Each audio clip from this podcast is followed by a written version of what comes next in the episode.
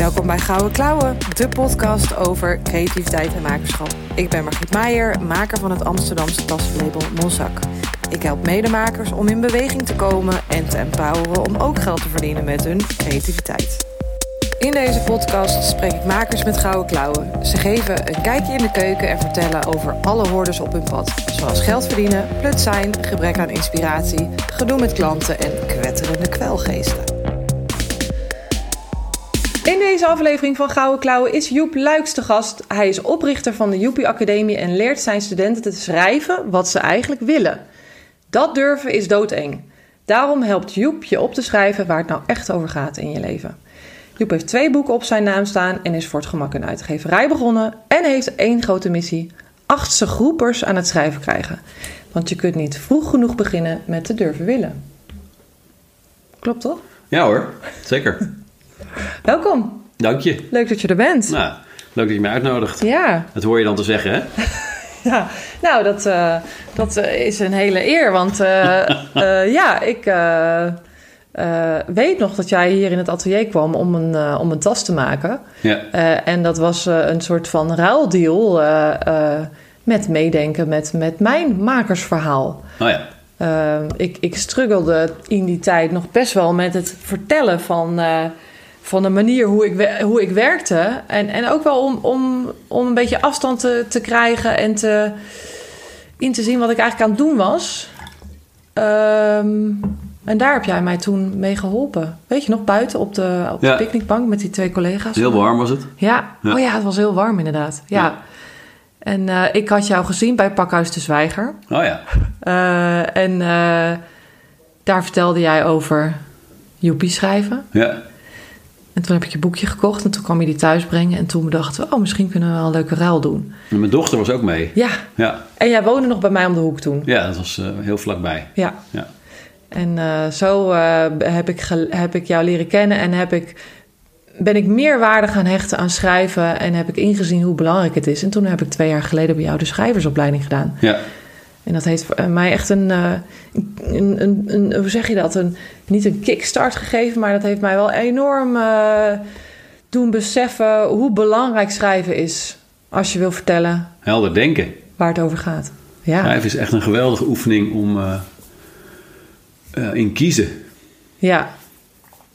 Ja, en, en, en hoe, in kiezen wat voor jou dan belangrijk is, bedoel je? Nou ja, het, het is handig om gewoon eerst op te schrijven, allerlei dingen. Een soort, daar ook helemaal niet bij na te denken. En als je hebt geschreven, dan kan je zien wat, wat klopt. Kun je gewoon zien. Ja, Staat voor je neus dan. ja, In plaats van dat het zo door je hoofd dwarrelt, weet je wel, in, eh, in eh, het speed of light. Dat Ja. is- ik bedoel, een hoofd is fantastisch, maar het is ook volstrekt onnavolgbaar. Ik weet niet hoe dat in jouw hoofd werkt, maar mijn hoofd, het, het, het tuimelt voortdurend over elkaar heen, alles. ja, En heel soms is er wel eens een gedachte waar, waar, waar die, kan, die ik nog net met zijn broekspijp kan pakken. en even Wacht eens even. Ja, even, oh, oh, oh, wacht eens even. Ja, wil ik wat langer, wil ik nou wat langer naar kijken. En dan, maar dat is toch ook snel weer, is het weer eh, er zijn er allemaal andere dingen overheen gedonderd. Ja, en, en, het is ook nog zo dat er zoveel prikkels zijn. Hè? Het is niet dat je lekker op je hutje, in je hutje op de hei zit en eh, die gedachten wat helderder kunt zien. Want ik merk dat, dat alle dingen die in je leven spelen, maar ook je telefoon en al het werk wat je moet doen, eh, dat er weinig ruimte is om, eh, om je gedachten helder te krijgen. En daar helpt schrijven wel heel erg bij. Ja, wat grappig. Als je het zo vertelt, dan, dan eh, denk ik, ja, er is een enorme, maar echt gigantische afleidingsenergie opget of, eh, industrie opgetuigd. Ja, De afgelopen twintig jaar, internet. ja, Het lukt wel vrij goed. Het lukt ze vrij goed om ons totaal te versnipperen. ja, enorm. En ik denk ook eh, dat het heel handig is en verstandig is om minstens één keer per jaar op een plek te gaan zitten waar dat niet is. Volgens mij heb jij dat net gedaan. Ja, Ik doe dat heel eh, eh, regelmatig. En het is precies dat, ja, wat- ik daar kan doen is gewoon lang op één idee kouwen Ja. of lang op één gedachte. Lang één gedachte onderzoeken. ja, En dat doe ik, dan ben ik ook vaak aan het schrijven. Maar ik ben dan ook vaak onderzoekend aan het schrijven. En dat is een heel ander soort schrijven dan eh, doelgericht schrijven.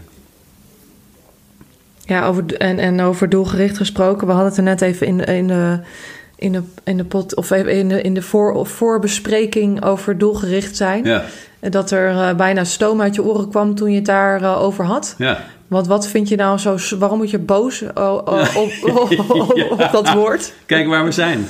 Kijk waar we zijn. Kijk waar we ons in hebben, waar we, waar we in zijn beland. Ja. Als, als, als mensheid, als, als wereld. Ja, Doelgericht. Top hoor. ja, ja het, is, eh, het is lekker efficiënt. Het is indrukwekkend en, eh, waar je dan eh, uitkomt. Ja, maar in En, wil, en dan is het idee dat we dat, dat we dat nog beter moeten doen of zo. Of, of wel vooral doelgericht blijven. Misschien een beetje anders doen. Maar volgens mij, hou ermee op. Ja, en je hebt ook altijd, ik weet niet hoe dat bij jou is, maar ik heb ook altijd het gevoel daardoor dat, het, dat ik niet goed genoeg ben zoals ik al ben. Niet doelgericht genoeg bedoel je? Nee, dus als ik. ja, ja. ja, dus ik ben inderdaad niet doelgericht genoeg. Nee, nee, maar je bent ook echt ja, belachelijk ondoelgericht, Margriet. Nee, ik ben belachelijk doelgericht. daar moet, daar eh, moet wat aan gebeuren. Ja. Nee, maar dat je dus. Ik heb, ik heb heel lang het, de hele tijd het gevoel gehad dat, dat het niet goed genoeg was wat ik deed of wie ik was. Gewoon Ja. in de essentie. Ja. Omdat ik dus niet doelgericht bezig was. Oeh, dat is nogal een eh, dingetje. Dit, dit, ik denk dat. Heb jij het gevoel dat je niet goed genoeg bent eigenlijk volg- volgens de, de normen? Nou, waar ik nu aan denk, en dat is eh, sensitiviteit. Dus hoe je eh, interpreteert wat er op je afkomt. Hoeveel je eh, interpreteert van wat er op je afkomt, dat heeft te maken met hoe gevoelig je bent. Ja. En je bent, jij bent een maker. Ik, ik denk, ik ken, ik ken ook eh, een heleboel makers. Ja, over het algemeen zijn dat sensitieve mensen. Ja. Dus ze zijn heel gevoelig voor prikkels. En ik denk dat als je dat hebt, gewoon als een conditie, zo word je gewoon geboren. Als je dat hebt en je eh, krijgt een heleboel op je af waarvan niet duidelijk is of het nou positief is of negatief, dan denk ik, ik denk als je onzeker bent, dan interpreteer je negatief.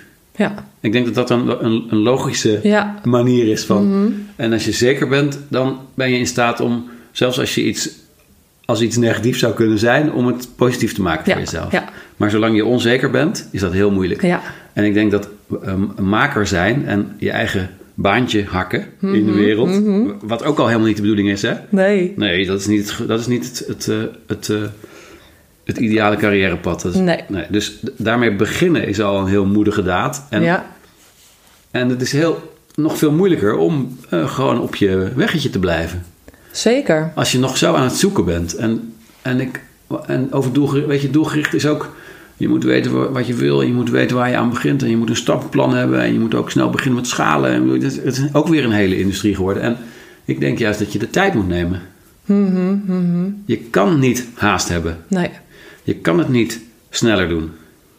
Nee, en ik denk dat ik heb er ook wel ervaren dat het, dat het dan tegen gaat werken. Dus dat als ik te gehaast ben, dat het dan eh, niet lekker mee. Je zit gewoon niet in een flow. Dus het, dus het eh, dat, dat je als je het dus op wilskracht gaat doen, dat je dus iets wilt. En, Doodvermoeiend. ja, en denkt dat, dat dat is wat je moet gaan doen. Dan, dan inderdaad, dan eh, raak je helemaal uitgeput. En, eh, en, en, maar dat is ook wel die, het internet die je zo op, ophitst. Oeh. Dat je er snel in moet zijn en Ja. dat je snel resultaat moet hebben en Ja. snel geslaagd moet zijn. En, Ja, en aanwezig op de socials en eh, elke dag content. En ja, je, je moet zoveel dingen. Mhm. Terwijl, ja, is het ook zo? Ja, nou ja, dat is ook die onzekerheid, denk ik weer. Ja. Dat, je, dat, je dus er, dat je daarin meegaat, omdat je denkt dat je anders niet mee mag doen. Precies. En de enige manier om, om zeker te worden is vertragen. Ja, Is niet gaan rennen. Want je rent jezelf voorbij. Dus het, het enige wat je kan doen is nadenken. Ja, en werken, werken, werken, werken. nou ja, jij zei, eh, en, en, en want eh, ik hoor je nu zeggen werken, werken, werken. Ja, Maar dan bedoel je denk ik niet eh, gewoon beuken. Maar jij schreef in de introductie ook, volg je hart, doe het werk ja. en de weg wijst zich vanzelf. ja, dat is toch echt een heel troostrijk idee. Zeker. Dat je, je hoeft het niet te bedenken. Dat denk ik, dat is iets waar, Ja. ik echt van overtuigd ben. Ja. Het enige wat je moet doen is het blootleggen. Ja, En, en blootleggen heel letterlijk. Ik las een boek van Stephen King. Een geweldig boek over schrijven trouwens. Als je op zoek bent naar een goed boek over schrijven... lees On Writing van Stephen King. Die, die beroemde thrillerschrijver. horrorachtig ook een beetje, begrijp ik. Ik heb niet zoveel van hem gelezen, maar dit boek echt, vond ik echt fantastisch. En hij vergelijkt het heel letterlijk, een verhaal vertellen met, met eh, eh, opgraven. Dus je steekt je schep in de grond en je stuit ergens op en je denkt, hé, hey, daar zit iets. En dan doe je wat zand weg en dan zie je hem, dat het een, dan lijkt het een bot te zijn. En dan denk je, wat voor beest, wat voor beest zou het zijn, wat voor beest. Ja, en het kan dat je gewoon een, weet ik veel, een muskusrat. Weet je, dat het maar heel klein is. Maar het kan ook dat het puntje is van de staart van een... Dinosaurus. Ja, of een potvis of zo, Ja. weet je wel. Dus dat je...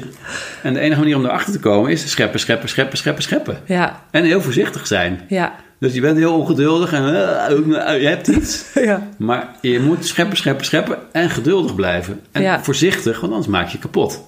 Maar, wel, eh, en het duurt lang. ja, Zeker en, als je iets groots te pakken hebt. Het duurt lang. Want het duurt lang voordat je dat... Gewoon voordat je het uitgegraven hebt... en je in staat bent om te zien... Oh, dit is het. en dit is het waar het over gaat in jouw leven. Bedoel je dat dan? Om het even iets... Dit is wat iets- ik heb. Ja, dat is wat... Oké. Dit is wat ik heb. Dit Ja. is van mij. Dit is mijn di- verhaal, ding, talent, Ja, kracht, product, wat het ook is. Maar, en dat is niet iets wat je snel even kan doen. nee.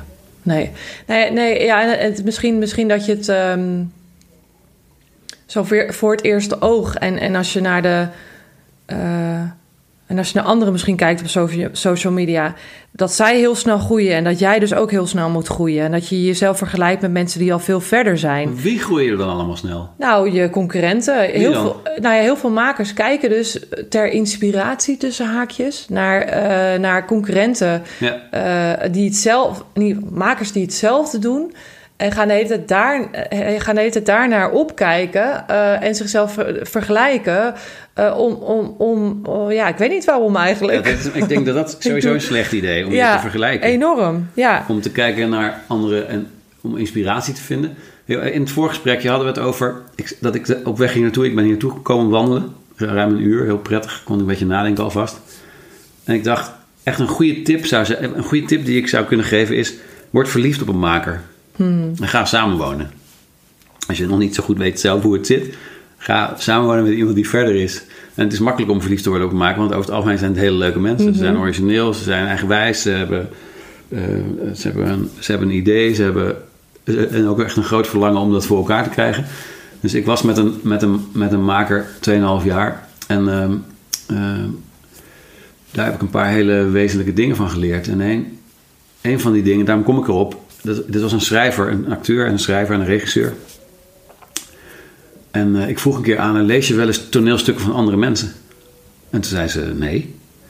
En, toen, en waarom dan niet? Want ik, ja, ik, dacht dat, ik dacht ook, dat is handig om te doen. Hè? Dan, dan leer je iets over hoe andere eh, goede toneelschrijvers toneelschrijven. En toen zei ze, nou ja, als ik dat doe, dan raak ik alleen maar van in de war. En toen zei ze erachteraan, zei ze, ja, misschien later, weet je, als ik 60 ben of zo, dat ik dan, als ik al helemaal precies weet wat ik zelf doe en wat ik zelf wil doen, dat ik dan in staat ben om andermans werk te lezen. Maar tot die tijd wil ik helemaal geen eh, andere eh, schrijvers lezen, want ik, het, het verwart me. En toen dacht ik, dit is ook weer zo radicaal. Zo'n radicaal en eigenzinnig standpunt. En het kan gewoon, hè? Ik bedoel, jij, je hoeft je met niemand te vergelijken. Nee, en je kunt het op je eigen kracht doen. Ja. Want wat je zegt, er zit genoeg. Eh, ehm, er zit genoeg in jou wat jou uniek maakt. Dat, dat, hè, dat, dat dier wat je, wat je opgraaft, is Ja. bij iedereen anders. Dus het is gewoon de combinatie van alle dingen die je mee hebt gemaakt en wie je bent, wat je hebt meegekregen, wat jouw talent uniek maakt. Ja, Maar daar durven heel veel makers niet op te vertrouwen. Eh, ja. en uit onzekerheid gaan ze dan inderdaad bij anderen kijken hoe zij het doen. Eh, Ik herken heel erg wat je zegt, want ik heb het met Monsak ook bijna niet gedaan. Ehm, eh, omdat ik gewoon bang was dat ik dan niet origineel zou zijn. ja. Dat er iets door zou sijpelen in mijn werk waarop diegene dan zou kunnen zeggen: hé, maar dit lijkt op mij. Ik wilde dat gewoon kosten wat kost voorkomen. En ik, ja. ik had ook niet per se de inspiratie nodig, want er kwam genoeg, kwam voor mij voldoende uit. Kom op je af, ja, precies. Ja. Ja. Uh, maar het is, het is ook de onzekerheid van, van, van kan dat, zijn mijn ideeën goed genoeg? Ja. Uh, of, of, of kan het nog beter? Even kijken hoe uh, Pietje dat doet. Of even kijken hoe Jantje dat doet. En vervolgens... Dat, dat, kan je, dat kan je helemaal niet zien. Nee. En zeker niet aan de ze op social media ophangen. Want dat, wat, ja, hoezo? Ik bedoel, als je dat zou willen weten, dan maak een afspraak Ja, met je concurrent. ja, En vraag hem van tevoren of, het, of, of je ook allerlei impertinente vragen mag stellen. En als dat niet mag, dan ga, dan ga je er niet naartoe. Als het wel mag, dan stel je die vragen. Dan kom, Ja. je, dan kom je erachter dat hij precies hetzelfde doet als jij. Tenminste, hij doet natuurlijk iets heel anders, want we doen allemaal iets heel anders. Maar in essentie zal hij dezelfde dingen zoeken. En zal hij ook exact dezelfde dingen tegenkomen die jij tegenkomt. ja. Want het Ja. is ook gewoon een heleboel glazer. Ja, precies. En, zijn. ja, en het, is, en het is in elke fase zitten ook weer nieuwe uitdagingen. Dus het is echt niet dat iemand die verder, verder is eh, alles al weet. Want, want, want als je groeit, dan kom je weer nieuwe dingen tegen. En dan weet je dat niet. En dan moet je daar weer nie- iets nieuws in leren. Het Dus verandert de hele tijd. ja, Ja, ja, ja. Je, je blijft bezig eigenlijk. Dat is ook zo leuk aan. Ja, zeker. Maar dat, dat, dat is, ook, is er ook onrustig aan. En ik denk dus eh, dat mensen, als we het over dat doelgericht hebben, dat mensen eh, misschien dan voor de veilige weg kiezen, toch uiteindelijk. En luisteren naar wat hun ouders misschien hebben gezegd: van ah, je kunt geen geld verdienen met je handen. En eh, ga, ga nou maar een serieuze baan, een hoofdbaan. Ja, een hoofdbaan. Met je hoofd werken Ja. in plaats van met je handen werken. Ja. Eh, maar maakt dat dan maakt het je uiteindelijk gelukkig als het, je voelt dat het maken toch al aan je, aan je trekt.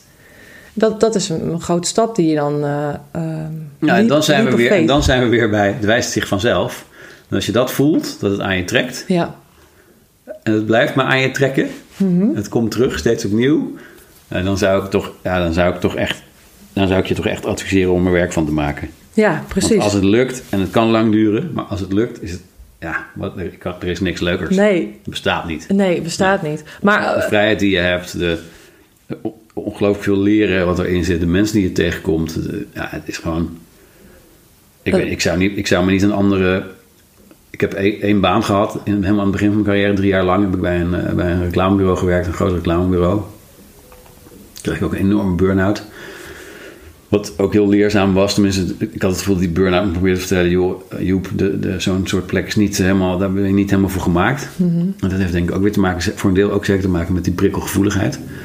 Maar de, ja, natuurlijk is het eng om te zeggen, oké, ik neem ontslag, ik ga ja, zelf uitzoeken wat ik wil gaan doen. ja, Maar ja, je hebt wel het gevoel dat je leeft. dat zeker, Vind ik, ja. Dat vind ik altijd zo fijn eraan. ja. Het is eng, maar Nou, en het is van jezelf. ja, Het is heel makkelijk om daar voldoening uit te halen. En dat is ook iets wat je net zei. Dat je dus, dus kijken naar wat anderen doen. eh, vergelijk, jezelf vergelijken. Ik denk dat een van de belangrijkste eh, kwaliteiten om te ontwikkelen... is wat, ze, wat je ook wel, wat je ook wel een, eh, een growth mindset kan, zou kunnen noemen. Maar is het talent om uit elke, situ om uit elke, elke situatie, hoe akelig ook, iets te halen waardoor je verder kan. Want als je dat niet doet, als je, als je gaat zwelgen in, zie je wel, en het lukt me niet en het gaat te langzaam en, en alle anderen doen het wel, doen- snappen het wel en ik niet, ja, dan, dan, wordt het, dan wordt het heel akelig. Dan red je, dan, gaat het ook niet, dan ga je het niet volhouden. nee. nee. En ook dat is een keuze.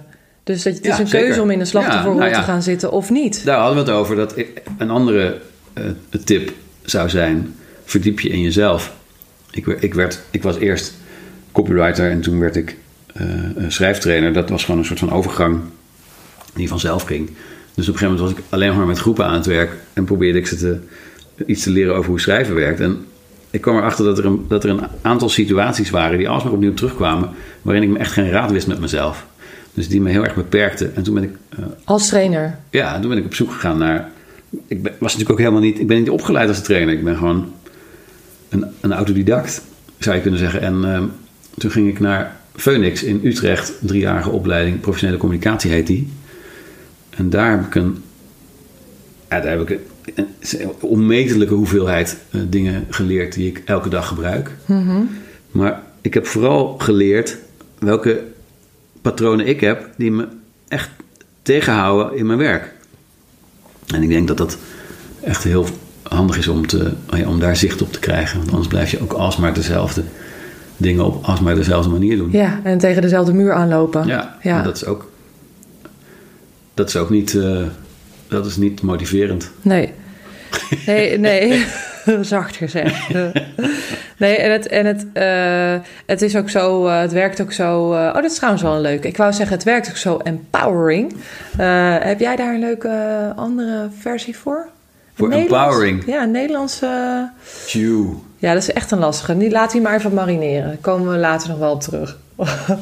Maar het is zo, zo eh, bekrachtigend. Het werkt zo bekrachtigend. Ik weet, dat, dat zou, zo zou je de vertaling kunnen maken. Eh, als je, als je ehm, ook inziet waar je gewoon niet goed in bent. En dat je daar ook mee stopt. Of dat uitbesteedt. Dat je in plaats van dat je denkt: oh, maar ik moet het gewoon kunnen, want ik moet alles zelf kunnen. Dat je, dat je bij sommige dingen denkt: ja, maar daar ben ik dus blijkbaar, omdat ik mezelf heb leren kennen en weet wat me, wat me, goed, wat me, wat me goed afgaat, wat me minder goed afgaat. Dat ik het zo eh, eh, bekrachtigend vind om, eh, om dan te kunnen zeggen: nee, maar daar ben ik gewoon niet goed in. Ik, ik, dat helpt mij heel erg in mijn zelfvertrouwen. Dat ik, dat ik dat dan uit kan besteden of dat ik hulp kan vragen daarom. Ja. Eh, en dat je jezelf daar ook kwetsbaar in op, kun- op kunt stellen. En, en eh, ehm, ja, gewoon zeggen dat je iets niet kan, vind ik, vind ik, vind ik ook iets heel fijns. Dat je dus eh, genoeg zelfvertrouwen hebt om dat te durven zeggen. Ja. Ja, dat zou kunnen. Ik, als, ik, als je dit zegt, denk ik vooral dat ik daar heel lang over heb gedaan om, eh, om te snappen wat ik kan. Ja, En sinds ik dat snap, en dat is denk ik anderhalf jaar geleden, dat is echt nog maar vrij kort, dat ik dat, dat ik, ja, ik heb een vak, ik heb echt een vak. Nu kan ik sommige dingen gewoon laten. Maar Ja. tot dat moment had ik toch heel sterk het gevoel dat ik alles moest, ja, dat ik het moest uitzoeken. ja, ja, Dus, en ik ben nu 52, dus dat is toch, ja, zou, je zou kunnen zeggen, daar heb ik best lang over gedaan. ja. En tegelijkertijd, weet je, ja, Er is geen haast, toch? Nee, dat. En het is gelukt. Dat is super fijn. En ja, ik wil er ook 60 jaar over kunnen doen. Ja, of nooit. Of nooit. Je had er misschien nooit achter kunnen komen. Of 130. Ja, ja dan was dat te laat geweest. Ja, dan had ik het niet gehaald. Nee, maar, maar en, en wat voor gevoel geeft dat je dan? Dat je, dat je, dat je jezelf uitgevonden, eigenlijk uitgevonden of uitgeplozen hebt. Ja. Is dat, geeft dat rust? ja, zeker. Heel veel rust geeft het. En heel veel, eh, ja, dus ook stabiliteit. Ja. Ja, het geeft ook heel veel lol. En trots geeft het ook. Ja. Grappig, ja. Maakt dat je werk ook makkelijker? Of moeilijker? Ja, nou, nou ja, weet je, dat is het andere ding. Ik heb een methode ontwikkeld. En dat is heel stom, of tenminste, wat daar stom aan is, is heel lang, zeker in het begin toen ik trainingen begon te geven, zo weet je zo, begon daar een beetje mee. Ik, ik begon met lesgeven in 2001, dus dat doe ik al heel lang. Maar trainingen geven in eh, commerciële organisatie, dat doe ik sinds ongeveer 2010. Dus dat is nu eh, een dik tien jaar. In het begin was ik ook heel vaak, omdat ik zelf een methode heb ontwikkeld, was ik ook heel vaak, was ik niet alleen een training aan het geven, maar was ik ook aan het kijken of de methode wel klopte. Ja. Dus ik was altijd twee dingen aan het doen. Ik kan me voorstellen, als je een trainer bent en je werkt met, met andermans modellen. Je bent bijvoorbeeld heel goed in, in eh, Briggs Meyer of weet ik veel. Ja, er zijn allerlei modellen die je kan gebruiken. Eh, Stephen Covey, of, eh, van alles. Ja, dan werk je met iemand anders zijn model en dan ben je schoon. Dan hoef je niet... Weet je, als het dan niet werkt, dan is het, ja, is het, nou, is het ook schuld. prima. Want, ja, het is toch niet jouw model. Ja. Maar ik heb een eigen model ontwikkeld. En ik heb heel, in het begin heb ik dat vaak heel lastig gevonden. En als, je dan twee dingen, te- als ik dan twee dingen tegelijk aan het doen was, dus een training geven en tegelijkertijd aan, aan, aan mijn model aan het rommelen, omdat het niet liep zoals ik wilde, ja, dat, was, dat was heel onrustig. En dan kwam ik ook heel vaak eh, eh, heel moe thuis en, en, ook wel, en ook gewoon teleurgesteld. Teleurgesteld in mezelf of teleurgesteld over dat ik het nog, toch nog niet helemaal snapte of toch nog niet helemaal in mijn vingers had. Ja. En dat is, de- dat is nu niet meer. Nu, ik heb zoveel oefeningen en geintjes. En, eh, en ook wat ik bij Phoenix heb geleerd, heeft, heeft voor zo'n enorme verdieping gezorgd. Ja. Ja. Dus dat, en dat is rustig. Ja. Dat is rustig. Het Dus maakt je- me niet... Ik, eh, ja, ik, ik, ik denk niet dat je me nog snel in verlegenheid kan brengen. Of. En- of dat ik... Ik heb niet meer dat ik denk, ben ik eigenlijk wel een goede trainer? Hmm. Nee, dat heb ik niet meer. Wat fijn. Dat Ja. is echt eh, een, een groot goed. Ja. Dat, eh, maar daar heb je ook hard voor gewerkt om dat allemaal. Omdat, eh, ja, je, je hebt het werk gedaan, eh, duidelijk. Je bent met je, met je schep aan de slag gegaan. Nou, toen ik dat ging presenteren, durfde te willen, dat boek, mijn, laatste, mijn laatste boek, anderhalf jaar geleden was het, denk ik. Misschien ook alweer tweeënhalf jaar geleden. Nou goed, dat was een bijeenkomst natuurlijk, gingen dat lanceren. Was ik bij. Ja, jij was erbij, mijn vrouw die deed een introductie en die zei... ja, Joep is monomaan. Oh ja, ja. Of nou, nee, ze zei volgens mij iets genuanceerd. Joep kan monomaan zijn. Of Joep heeft een monomane kant. En, en ik heb twee dochters en de jongste, die zat op de voorste rij. En de jongste zei, mama, wat is dat monomaan? dat, ja. Ja, en toen kwamen er wat hele opbeurende reacties uit de zaal. Iemand zei obstinaat. En iemand zei eh, dat, je maar met, dat je maar aan één ding kan denken. En toen, en toen zei Oscar Kneppers, die er ook was, die zei... En dat vond ik wel een goede. Die zei, monomaan is dat je in staat bent om heel gefocust... heel lang aan iets te werken. En ik denk dat dat wel een goede... Ja, Ik denk dat dat wel iets is wat echt bij mij hoort. Ja, als ik denk, hier is iets in te halen... dan zoek ik het uit. ja en, en hier is, is iets in te halen. bedoel je dat je iets, je, je, die, die, schep, die, de, die botst het ergens tegenop. Ja, dat is het. En, en je bent niet meer gestopt om eh, te onderzoeken wat eronder lag. Nee, en het gaat Nee. nooit over één ding. Want ik, wat, ik denk dat ook, wat ook wel echt bij maker zijn hoort, is dat je hebt een heel wonderlijk setje kwaliteiten nodig of talenten. Weet je, je moet iets kunnen maken op een manier dat het aantrekkelijk is, Ja. dat het voor andere mensen aantrekkelijk is. Je moet erover kunnen vertellen. Je moet beschikken over vastberadenheid en vasthoudendheid en lange adem. Je moet ook wel een dikke huid hebben, want je bent toch ook altijd kwetsbaar. Want je Ja. bent gewoon met je eigen ding bezig. Je bent, maakt je kwetsbaar. Dus het is een setje eh, kwaliteiten wat je daarvoor nodig hebt. Je moet ook iets. Je moet toch ook wel kunnen net. Ja, je moet mensen aan je kunnen binden Ja. of kunnen netwerken. Of, of in ieder geval, je moet in staat zijn om eh, je, je hengeltje uit te gooien en, eh, en eh, mensen naar je toe te halen. En dat is een wonderlijke mix die je daarvoor Ja. nodig hebt. En elk aspect van maker zijn, als ik voor, voor mezelf praat, elk aspect heb ik moeten uitzoeken.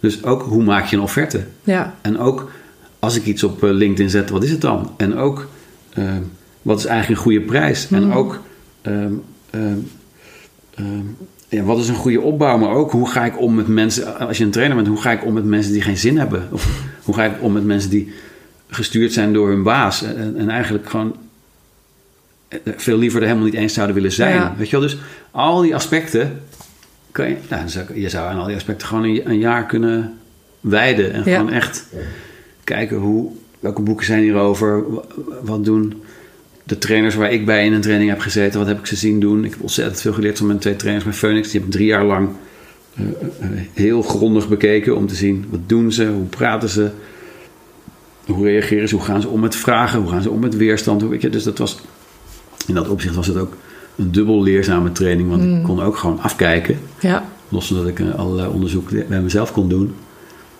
Maar de, ja, al die aspecten, en dat is dus ook het werk doen. Dus er zijn dingen bij die zijn gewoon heel vervelend om te doen. ja, ja. Die zijn gewoon echt stom. Weet je wel, die kosten heel veel energie. En toch moet je daarin ook voor jezelf een manier vinden om dat, om dat eh, Leuk te maken. nou niet leuk te maken. Om het te doen op een manier die werkt voor je. Ja, precies. Maar ik denk wel dat, het leuk, dat dat soort dingen leuker worden als je begrijpt waarom het zo belangrijk voor je is. Waarom je het zo graag wilt. Ja. Eh, want als je dat niet snapt, dan, dan, dan, Dan- dan- dan- houd je het gewoon niet vol. Nee, dan brand je daarop af. Ja. ja zeker. En, en ik denk dus dichter bij je kern komen en snappen waarom het zo belangrijk voor je is. Waarom je niets liever wilt dan dit. Waarom je, ondanks dat je ouders zeiden: ga gewoon een veilige baan zoeken. Dat, je, dat het toch knaagt en dat het aan je trekt. Mijn ouders zeiden dat niet. Jouw ouders zeiden dat niet. Nee. Dat is heel fijn. Ja, zeker. Wat, zouden, wat zeiden jouw ouders? Nou, ik, ik, ik ging eh, naar de, naar, na de middelbare school, ging ik, ja, zou ik recht gaan, studeren, recht gaan studeren in Leiden. Want ik had geen idee. En als je het niet weet, ga je recht studeren. En toen, en toen zei mijn vader tegen me, waarom ga je, Joep, waarom ga je niet lekker een jaar naar het buitenland, man? Word je, word je stevig, dan word je, word je wat ouder. En- Dus ik dacht, ja, dat is echt een heel goed idee. Toen ben ik naar Parijs gegaan. Een jaar. En, en toen ik terugkwam uit Parijs, ging ik niet eh, recht studeren in Leiden. Want ik wilde in een stad wonen. En ik dacht ook, ja, taal is wat ik het beste snap. Dus ik moet, daar, daar moet ik iets mee. Dus ik ben Italiaans gaan studeren. En het jaar daarna ben ik overgestapt naar politicologie. En toen liep ik vast op de universiteit. En dan gaat nou eenmaal, weet je, als je VWO hebt, dan ga je naar de universiteit. Anders dan eh, gooi je je, vergooi je talenten en dan gebruik je je hersens niet. Dat is echt een doodzonde. En toen ben ik gaan kijken, waar ga ik dan, wat ga ik doen? Wat, wat ga ik doen als het niet op de universiteit is? Waar is het dan wel? En toen ben ik naar kunstacademies en modeacademies gegaan. Want ik maak sinds mijn veertiende kleren voor mezelf. Ook, ook met een hele praktische reden. Ik nou, niet alleen voor jezelf trouwens. ik wilde iets kopen Oh ja, maak ik ook kleren voor Ja, anderen? je hebt wel eens verteld dat je een jurk maakt. tuurlijk. eh, ja. ja. ik heb twee dochters en een vrouw. Daar maak ik Ja. ook wel eens iets voor. Ja, natuurlijk. Dat is ook heel leuk om te doen. Er is zelfs een foto die, ik, die we genomen in Frankrijk... waar ze alle drie tegelijk iets aan hebben wat ik voor ze heb gemaakt. Dat is echt heel vrolijk Ja. om te zien. Ja. Maar dat is ook leuk aan maken. En zeker aan... Als je, ik, bedoel, ik ben naar een modeacademie gegaan... dus ik heb geleerd hoe je, eh, hoe je een jurkje maakt. En dat is echt heel... Als je wil, is het heel eenvoudig. Mhm. Als je durft. Als je niet vindt dat het afgewerkt moet zijn bijvoorbeeld. Hè? Dus da- daarin heb je ook weer alle, kom je al die dingen tegen Ja. die ik ook in schrijven tegenkom. Ja. Dat was mijn eerste kennismaking eigenlijk. Maar de, wat was ik aan het vertellen? Dat wilde ik niet vertellen. Ik ging, ja, dus ik, ik liep vast op de universiteit en ik bedacht, ik moet naar kunstacademies en ik moet naar, maar ik moet dat ook aan mijn ouders vertellen, want ik moet ze daar, ja, ik, moet, ik, ik was al zoveel aan het heen en weer gaan in mijn hoofd, want ik, ik zat gewoon helemaal niet goed in die, die universiteit, snapte ik gewoon niet. En dus ik ging naar huis, ik ging het eerst aan mijn moeder vertellen, want dat was de, dat was de, dat was de makkelijkste, de meest toegankelijke van, mijn, van mijn twee ouders. Dus toen ik het aan haar vertelde, kwam mijn vader ook. Ik was in de keuken van, van het huis waar ik ben opgegroeid. En mijn vader kwam binnen en hij, en hij deed de deur open en hij zei... Volgens mij mis ik iets belangrijks. Hmm, het raakt je. Ja. Iets, iets belangrijks voor jou. Bedoelde die dat? Ja. ja. Ja, dat denk ik. Dus, dus die... eh, Maar wat een dus, durf de- ook. dus als je het hebt over sensitiviteit... Hè, mijn vader Ja. was denk ik... Was een hele... Ja, een hele... Een man met twee gezichten, maar ook een, een, ja, een hele gevoelige man. Mhm. En een vakidioot. Met een enorm eh, werkethos. Hij, hij zat in het onderwijs, mijn moeder ook. Allebei zaten ze in het onderwijs.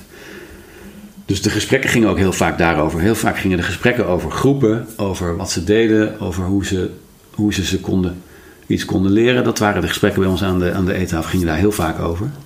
Dus dat ken ik van heel lang. Ja.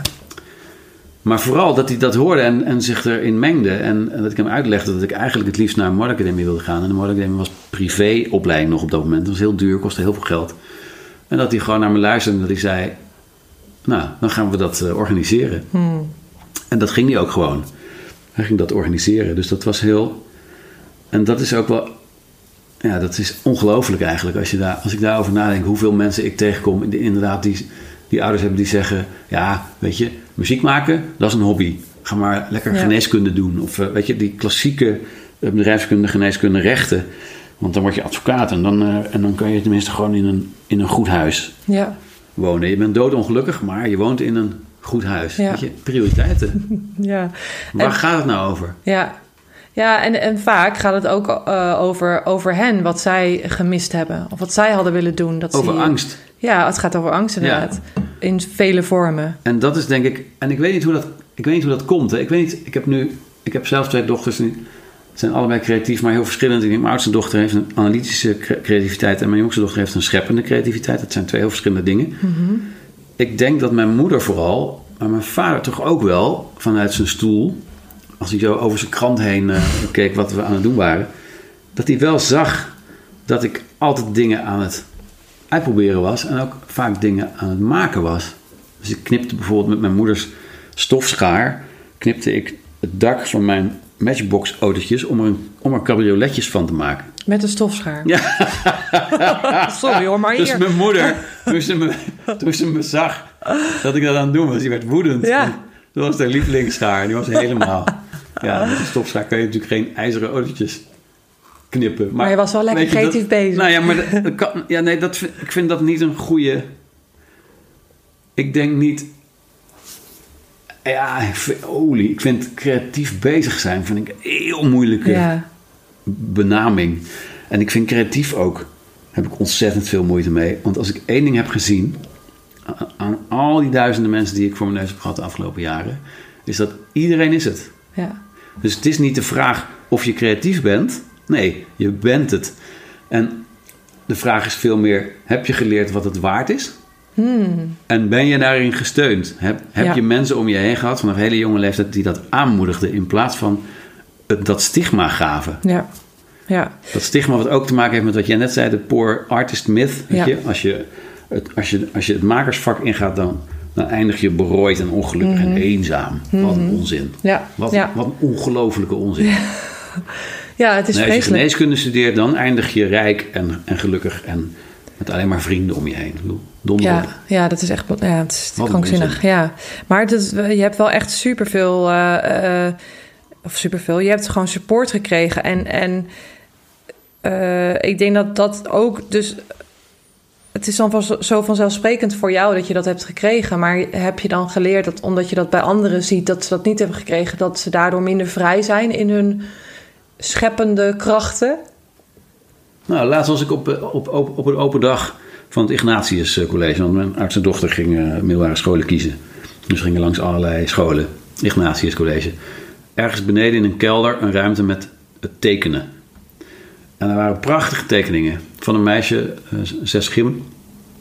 Maar echt prachtige tekeningen. Dus ik, ik maakte een praatje met haar. Ik zei, wat doe je en hoe, en hoe, ja, hoe, hoe, teken je en, eh, en eh, wat gebeurt er terwijl je dat doet?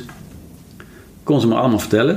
En toen zei ik, ga je er ook iets mee doen? En toen zei ze, nou ja, nee, ik ga geneeskunde studeren. En toen zei ik, waarom? Toen zei ze, nou, dat, eh, dat vinden mijn ouders een goed idee. En toen zei ik, en heb je overwogen om naar een kunstacademie te gaan? Heb je overwogen om van, je, van tekenen je werk te maken? Ja. Toen vertelde ze een verhaal over hoe prachtig het is om, om, om dokter te zijn en, en mensen die ziek zijn te helpen. En, en ik luisterde naar haar en ik Was dacht, het haar verhaal? ik hoor je ouders. Ja. En ja, ik moet ook denken aan een interview wat ik een keer las met, hem, met eh Gijs Scholder aan Schat. Die wilde op een gegeven moment zei hij tegen zijn moeder: Mam, ik wil naar de toneelschool. En toen had zijn moeder tegen hem gezegd: eh, Gijs, ik vind alles wat je doet goed, maar onthoud beter een gelukkige postbode dan een ongelukkige acteur. En ik denk dat dat het is. Weet je, het, je, het- ik ik denk dat je, dat je. De vraag die je jezelf zou moeten stellen is de vraag: hoe, waar word ik het aller, allergelukkigst? Hoe word ik het allergelukkigst? Ja. Waar word ik het allergelukkigst van? Ja. En voor mij, ik hou heel erg van. Ik ben, ik ben graag onafhankelijk. Dus ik hou er heel erg van om mijn eigen dingen uit te zoeken en me vast te bijten daarin en het ook echt uit te zoeken. En de, de waarde van dat doen, van iets echt uitzoeken, daar leer je zo ongelooflijk veel van. En dat kan je in van alles gebruiken. Weet je wat ik bij Phoenix heb ge- geleerd, kan ik ook gebruiken in hoe ik met mijn kinderen praat over moeilijke dingen. Ja. Kan ik ook gebruiken in eh, ruzies die ik maak met mijn vrouw. Weet je, kan ik ook. Dus, de- de- dus niks staat op zichzelf wat dat betreft. Alles, is, alles wat je leert in het maakproces. En als er één ding is ook wat heel erg bij het maakproces hoort, is omgaan met onzekerheid. Ja. En dat is zo'n wezenlijke skill. dat, moet, dat moeten we kinderen leren. Ja. We Ja. moeten ze leren. Er is helemaal, er is niks lineair. Er is geen garantie. Er is helemaal, is, dat is er helemaal niet. Nee, en dat, en dat herken ik wel heel erg. En Dat, het wordt ook nog alleen maar minder volgens mij als ik om me heen kijk in de wereld. Hoe het ervoor staat nu. dat mensen onze, nog onzekerder worden, bedoel je? Nou, dat er een heleboel grote omwentelingen eh, staan te gebeuren. En eh, Dat er minder zeker is, bedoel je eigenlijk? ja, maar ook dus Ja. weet je, 40 jaar voor dezelfde baas werken, dat is al, dat is al echt, echt iets van, van vroeger. Dat doe je al niet meer. Maar ik denk ook, bedoel, zoek iets uit wat bij je past, waar je, waar je heel goed in kan worden. Wat niemand anders kan. En je, hebt, je zal altijd werk hebben. Ja, ja. Ja, en, ik- ja. en ik denk ook helemaal met, de, met de, de, de, de technologie die steeds sneller gaat... en eh, nu bijvoorbeeld AI en schrijven Ja. of kunst maken... Ja. dat je, ik denk dat het nog belangrijker is om, eh, om gewoon je eigen... om met je handen te werken eigenlijk. Ja. Omdat dat niet vervangen kan worden. Hey, hij heeft geen handen. Nee. Nee. Het zal, het zal nog wel even duren. Nee, maar hoe zie je dat in schrijven? Ja, dat, die vraag krijg ik heel vaak. Oh Joep, ben je niet bang? Dat, je dan, dat het op een gegeven moment niet meer hoeft? En dan denk ik, ja, mijn vak gaat helemaal niet over schrijven. Mijn vak gaat over helder nadenken en Ja. over jezelf zijn. En over heel goed kijken en heel goed voelen. En ehm, Dat kan ook geen, geen computer voor je doen. Nee, nou ja, ik, een van de dingen die ik heb gedaan in mijn... eh, Ik ben een tijdje ook freelance copywriter geweest. Nadat ik ontslag nam bij FAV, heb ik, eh, eh, ben ik gaan lesgeven één dag in de week. En ben heel veel gaan schrijven, want ik dacht dat ik een roman wilde schrijven. En ik elke ochtend van 9 tot 12. En, en af en toe deed ik een freelance klus. En een van die klussen was een, een chatbot maken. In 2006 was dat denk ik, of 2007. Een chatbot voor... eh, eh, DDB, een, een ander groot reclamebureau voor McDonald's. De hamburger eh, dinges, tent. Op MSN. Hè, dat was Oh, toen, ja. MSN was toen helemaal, Ja. weet je wat, E- wat GPT nu is. En En dat bedoel deed je... ik samen met een, met een specialist, een Engelse, ongelooflijk geestige Engelse eh, programmeur die gespecialiseerd was in taal, computers en taal. En dat was heel leuk om te doen, omdat ik daar ik heb heel veel geleerd over taal, over hoe een zin in elkaar zit en hoe een computer een zin herkent en hoe een computer herkent waar in de zin dan het zwaartepunt zit. Weet je, en hoe een computer dan een ironische zin kan herkennen, dus dat er het tegenovergestelde staat van wat je eigenlijk bedoelt. Hoe gaat het met je? Fantastisch. Terwijl je bedoelt, Dat is kut. Nee, Ja. gisteren is... eh, ja, goed. Dus, en, eh, maar wat ik vooral heb geleerd is hoe ongelooflijk moeilijk het is voor een computer. En dat, ik, ik heb een paar jaar geleden heb ik hem nog een keer opgezocht. Want ik wilde zelf graag iets, iets ontwikkelen. Om het mensen makkelijk te maken om te schrijven. Toen zeiden ja, maar Joep, je weet toch... eh, computers zijn heel dom. De enige manier waarop ze kunnen functioneren is als er heel veel, als je er heel veel data in stopt. ja. Ja, en dat is AI. En ik moet ook altijd denken aan de zelfrijdende auto. Weet je, daar werden we ook tien jaar geleden, denk ik zo'n beetje. Was dat echt een soort van. Ja, dat, daar zijn we nu aan het werken en dat is er bijna. Nou, ze zijn een heel eind. Ik denk een procentje of 90, 95. Maar die laatste 5 procent. Dat duurt, dat duurt maar. Ja. Ik, ik weet niet of het gaat lukken. Ja, ja, ja. En ik denk hetzelfde voor, voor, voor, voor AI en voor chat, eh, voor al die GPT-machines die er nu zijn. Ja, ze kunnen verbluffend goed eh, Met je praten. doen alsof ze een mens zijn. Ja. Maar als er één ding is waarin ik niet geïnteresseerd ben, waar ik altijd weer op vastloop, is als iets niet is wat ik dacht dat het was. Oh ja. Ja. Dus ik ga naar een restaurant omdat ik denk het is een lekker restaurant, het is niet lekker. Of ik ga, ga naar een, weet je, al, al Mhm. en op papier, je bedoelt op papier ziet het er geweldig uit, maar in het echt is het Precies, gewoon niet lekker. ziel mist. Ja, precies. En dat, Dat is dit, hè? Ja, zeker. De ziel mist. En een Ja. computer heeft geen ziel. Nee. En hij kan ook niet nadoen. Hij kan niet doen alsof hij een ziel heeft. Nee. Ziel is iets wat wij, waar wij zelf nog nauwelijks van begrijpen hoe het werkt. Laat staan dat we dat aan een computer kunnen, kunnen uitleggen. Of een computer dat kunnen laten nadoen. Ja. Maar En het is ook de energie die erin hangt, hè? die in de tekst hangt. Als je dus het. eh, Want ik, ik experimenteer er wel mee met, eh, met teksten, eh, teksten schrijven. Maar dat zijn dan, dan schrijf ik zelf de basis.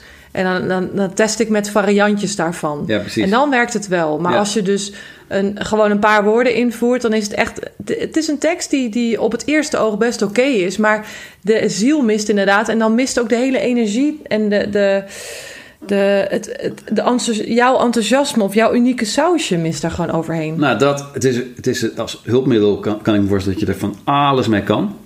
En dat, het heel, voor, op, dat het je op ideeën kan brengen. En dat het je kan laten nadenken over dingen waar je zelf niet op zou komen. Maar de... Ja, de... Ja, je hebt toch... Je bent een soort... Als mens ben je heel typische... Een vat vol... Een volstrekt uniek vat. Ja. Vol herinneringen, emoties, ideeën, meningen, associaties. En het is heel gek hoe je uit al die dingen die je bij je hebt filtert. En bedenkt wat je wel zegt en wat niet. Of bedenkt wat je wel schrijft en wat niet. Wat je wel doet en wat niet. Maar dat, het, daar zit een soort van samenhang in die Waarin aantrekkelijk is of zo. Ja. En, en daar kan je heel veel energie in voelen. Wat zoals jij zegt, daar kun je, heel, je kan soms heel sterk voelen. Wauw, wauw, hier zit een enorme vastberadenheid in. Ja. Ja, en ik, en, maar het, het andere is, want ik heb ook natuurlijk wat dingen uitgeprobeerd met die eh, ChatGPT, is ehm, een van de dingen die ik je altijd zou adviseren als je beter wil leren schrijven, is gebruik woorden die je kan zien. Ja. Ja. Gebruik woorden die wijzen naar iets dat je kan zien. Ja. Speld met een D. Dat kan je zien. Eh, glas kan je zien. Boek. Bus kan je zien. Ja. En als je kijkt naar de teksten waar zo'n AI-machine mee komt, die wemelen van de woorden die je niet kan zien. Ja. Het zit Ja. helemaal vol met. En daardoor krijgt die, je- krijgt die tekst ook iets heel algemeens, iets heel Ja. gemiddelds, iets heel, je zou ook kunnen zeggen mediocres, maar iets heel ja, saai. Ja, iedereen zou het kunnen zeggen. Verbluffend dat een computer dat kan, Ja. maar het is saai. Ja, het is saai. Ja. Het heeft geen eigenheid. Nee. Hey, en over eigenheid gesproken, ehm, want we gaan langzaam afronden. Eh, jij hebt ook een grote missie, Ja. al, ook al jaren, Ja. eh, om eh achtste klassers meer eigenheid te leren. Ja, dit het zijn niet alleen achtste klassers, maar de, het is de hele bovenbouw, dus 6, 7, 8. Ja? Ja, dat begon toen ik... Mijn oudste dochter zat op een basisschool. Jongste dochter ging ook naar een basisschool. Dus ik ging er naartoe om haar aan te melden. En ik raakte in gesprek met die onderdirecteur. En, en eh, op een gegeven moment vroeg ze me, wat doe je eigenlijk? En toen legde ik dat uit. En toen zei ze, zou je dat niet willen uitproberen op een, op een lagere school? En zei ik, ja, zeker wil ik het uitproberen op een lagere school. Want ik heb juist bedacht dat, dat ik kan dat wel eh, leren. Ik kan wel gewoon je, al die 18-plus mensen die ik eh, in, in, in mijn trainingen zie proberen weer wat meer te laten spelen. Want dat is in mijn ogen heel wezenlijk. Dat je speelt in plaats van werkt. Maar zou het niet veel handiger zijn als we dat gewoon op de basisschool aan ze leren? Zodat, zodat ze dat niet meer veel later nog weer bij mij moeten, opnieuw moeten leren. Ze- en dus toen ben ik daar in een klas gegaan. Volgens mij was dat vijf. Montessori, dus dat zijn altijd een paar jaren bij elkaar. Dat was de eerste keer en ik weet nog hoe me dat ook. Ja, dat was onvergetelijk. Ik, ik ging die klas in en het is nogal wat, een basisschoolklas met 30 kinderen die van alles doen de hele tijd. En, en, eh, maar ik, dus de- ik, ik was totaal kapot na dat eerste uurtje, maar ik dacht ook, ja, wat hier, hier, hier, ben, hier moet ik achteraan. Ik moet dit. Oh ja, heb je het weer. Dat was, ik, ik stuitte op iets wat ik uit moest zoeken. Ja. Dus ik ben blijven gaan naar basisscholen en ik ben materialen gaan ontwikkelen. En oh, ik heb hele rare dingen ook gedaan en laten drukken. En weet ik wat, totaal onzinnig. Het werkte helemaal niet. Maar hebben we zeven jaar aan gewerkt met een heleboel verschillende mensen. En nu is dat klaar. Het eerste deel is klaar. En dat, daarmee leer je in drie keer een uur hoe je eh, een, een verhaaltje schrijft van twintig zinnen. Want dat is wat, ik, wat je bij mij leert, een verhaaltje schrijven van twintig zinnen. Dat is een joepie. Dat is een joepie. En, en ehm, eh, ja, de- wat, hoe we dat willen organiseren is dat je doet dat. De, dus je gaat een klas in met z'n tweeën. Dus, dus jij zou de klas in kunnen gaan met iemand met wie het ontzettend leuk lijkt om dat te doen. Ja. Het zou je moeder kunnen zijn, het zou je, je beste vriendin kunnen zijn. Het zou, eh, weet ik het kan, in principe kan het iedereen zijn. Dan kom je bij ons een training doen van een dag. Want we leren je twee dingen die belangrijk zijn. Het ene is waarderen. Waarderen, waarderen, waarderen, waarderen. Alles wat, je, wat er in je uurtje gebeurt is goed. En het tweede is eh, dat ik graag wil dat je zelf dat ook doormaakt van een letter naar twintig zinnen. Zodat je ook een verhaaltje schrijft waarmee je jezelf kan voorstellen aan de klas. Ja. Gelijkwaardigheid is heel belangrijk. Het idee, ik weet alles en jij weet niks, dat is, vind ik een onzinnig idee. En eh, daarna ga je drie keer een uur de klas in. Steeds een week ertussen. En in die drie keer een uur leer je een paar dingen waar je plezier van hebt bij alles wat je eh, daarna nog doet in je eigen leven. En, en eh, eh, je- leert die kinderen om eh, hoe, je, hoe je lachend van een letter naar twintig zinnen kan. En hoe je op, op, opleert of opschrijft wat je, wat je, wat je wilt. Nee, daar gaat het helemaal nog niet over, het eerste deel. Nee, nee, nee. Dat, ik kan me voorstellen dat er op een gegeven moment een, een, een, deel zal komen. Want ik wil elk jaar een nieuw deel maken. Ik, ik ben nu een deel aan het maken dat gaat over hoe je een interview schrijft in 20 zinnen. En, eerst moet het eerste stuk. En dat willen we in het najaar willen we dat lanceren. Dus ik wil elk jaar een, een stuk, een deel erbij. Er zijn heel veel genres waar je, waar je in 20 zinnen heel mee kan. Je kan een songtekst schrijven in 20 zinnen. Je kan een interview schrijven in 20 zinnen. Je kan een scène schrijven in 20 zinnen. Je kan drama schrijven in 20 zinnen. Je kan een column schrijven in 20 zinnen. Een blog. Een blog. Dus ik heb een lijstje met dingen. En met name van mensen die ik daarbij zou, daarvoor zou willen vragen. Want het lijkt me heel leuk om dat te doen met, spe- met een specialist. Dat interview, eh, hoe, hoe je een interview schrijft, dat doe ik met eh, Hanneke Groenteman. Nou, die weet ontzettend veel. Ja. Die weet echt belachelijk veel van interviewen. Dus dat is heel erg, erg leuk om te doen. Maar de. En, en dat eerste stuk gaat eigenlijk over. Ja, het gaat over creativiteit, eigenheid en vrijheid. Weet je, hoe je omgaat met vrijheid. Dat is echt iets om te leren. Ja, want wat Ik is daar de belangrijkste les in dan? Nou, ik kom heel veel mensen tegen in mijn trainingen die, die, die durven dat bijna niet. Nee. Het idee dat ze gewoon echt zouden kunnen doen wat ze maar willen, dat kunnen ze bijna niet, eh, dat kunnen ze bijna niet accepteren. Nee. En, en ik denk dat dat. eh, we hebben ontwerpers nodig voor de problemen waar we eh, ons mee geconfronteerd zien. Ja. Ontwerpers, want ontwerpers zijn in staat, wat ik eerder al zei, die hebben geleerd dat, je, dat ja, in het ontwerp, in het maakproces, leer je omgaan met onzekerheden. En in het maakproces, door, dat, door naar een school te gaan waar je dat leert, en ik heb dat op de Modeacademie geleerd, leer je het gesprek wat hoort bij iets maken. Ja. Dat gesprek gaat alleen maar over wat, er, nog- jezelf wat er nog bedoel niet je? is.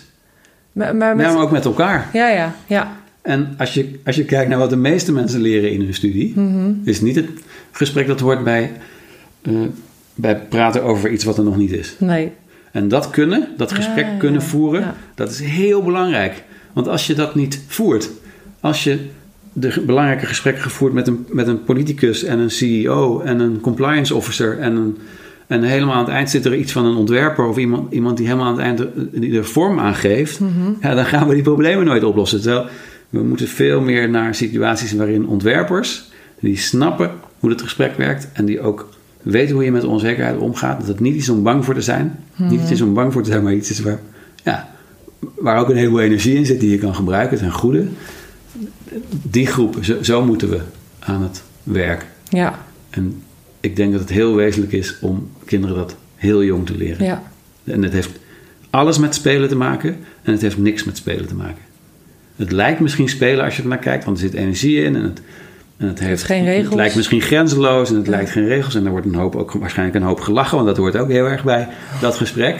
Maar ondertussen wo- wordt- wordt- gebeurt daar iets wat veel belangrijker is dan controleren, reguleren, volgens de protocollen werken, Ja. doen zoals het hoort. Ja. Weet je, hou op. Kijk waar we zijn nu. Als we het doen zoals het hoort, kijk waar we uitgekomen zijn. Ja, nee, dat, dat, eh, we, we hebben een andere toekomst nodig. Een andere, andere... Met een andere blik naar de toekomst. Waardoor je dus ook eh, de problemen in de toekomst op kan gaan lossen. En daar gaan die kinderen ons hard... hard eh, gaan wij de kinderen hard voor nodig hebben. Die moeten we daarvoor uitrusten. Ja, ja. Ja. precies. En dat is niet le- leren hoe je Excel-sheets eh, vult. Nee, Nee. Het is echt iets anders. oké. Dus dat is de. Dat Ja, is de, dus dat is dat de, is de en, nou ja, en het is, nog- dat is nogal wat, hè, wat we- dat is ook groot waar we het nu, nu over hebben. En, eh, en, dan, en ingrijpend ook. Is het ook echt. En het wordt natuurlijk alleen maar meer voorlopig. Maar eh, wat, ik, wat ik daaraan kan, wat wij daaraan kunnen bijdragen, is eh, schrijven gebruiken om als middel om je te leren hoe leuk het is om te aapkooien met taal. En dat is misschien wel leuk om op te eindigen. Dat is een citaat van volgens mij Wittgenstein. De grenzen van je taal zijn de grenzen van je wereld. Dus hoe, hoe eerder je leert en hoe beter je leert om daarin heel lenig te zijn. Lenig te zijn. De grenzen van je eigen taal op te zoeken en te overschrijden. Ja, hoe meer je in staat zal zijn om... Hoe meer wereld er ook zal bestaan in je hoofd. Ja, ja. En, en het zijn vooral de grenzen die je zelf hebt op, opgelegd. Ja, eh, dan zijn we weer, zijn we ja. weer bij het begin. Ja, precies. Ja. Hey, en als je, als je die grenzen op wil rekken, ga vooral het boek eh, van Joep eh, lezen, Durf te willen. Ik heb hem hier voor me liggen. En hij, het- er staat heel mooi op: ontdek, oh, sorry, ontdek hoe je opschrijft wie je bent, wat je kan en wat je wil, zodat je er achteraan kan. Echt een heel mooi, heel leuk boek. Dus ga die, ga die checken in de show notes. Eh, Joep maakt er ook nog een hele leuke schrijfopdracht bij, speciaal voor makers. Ja. Als je hem koopt, Ja. daar gaan we nog even aan werken. We gaan nog iets scheppen. ja, we hebben het daar heel kort over gehad. Maar de, ja, ik denk... De, de, de metafoor die ik vaak gebruik is... eh, schrijven met je Ernie, Ja. herschrijven met je Bert. Hij is dus van Joep, eh, jongens, die ik al heel vaak heb. De meeste mensen die ik, die ik zie, en zeker als ik ze de eerste keer zie... die schrijven met hun Bert. En dat is gewoon echt heel onhandig om te doen. Dus ik denk dat ik een speciaal boekje maak voor makers... waarmee je met, een, met zes oefeningen erin... waarmee je, je, waarmee je schrijven met je Ernie kan oefenen. Ja, Want dan kan alles. precies. En als je dat hebt gedaan, dan vraag je aan Bert: joh, Bert, is hier nog een woord dat weg kan? Of is er een woord dat we kunnen vervangen door een preciezer woord? Maar dat is de, ja, maak je er niet groot. Als je een maker bent, dan moet je dat doen. Ja, moeder, eh, Ernie moedigt, moedigt het Energie. spelen weer aan. Ja, Ja. Heel erg eh, bedankt, Joep, dat je er was. leuk. Ik uh, denk dat onze medemakers hier heel veel uh, weer uit kunnen halen. Um, als je deze podcast leuk vindt, geef hem vooral sterren. Daar word ik heel blij van. En daarmee kunnen we ook weer andere makers inspireren met deze podcast. En um, tot de volgende keer. Tot de volgende keer.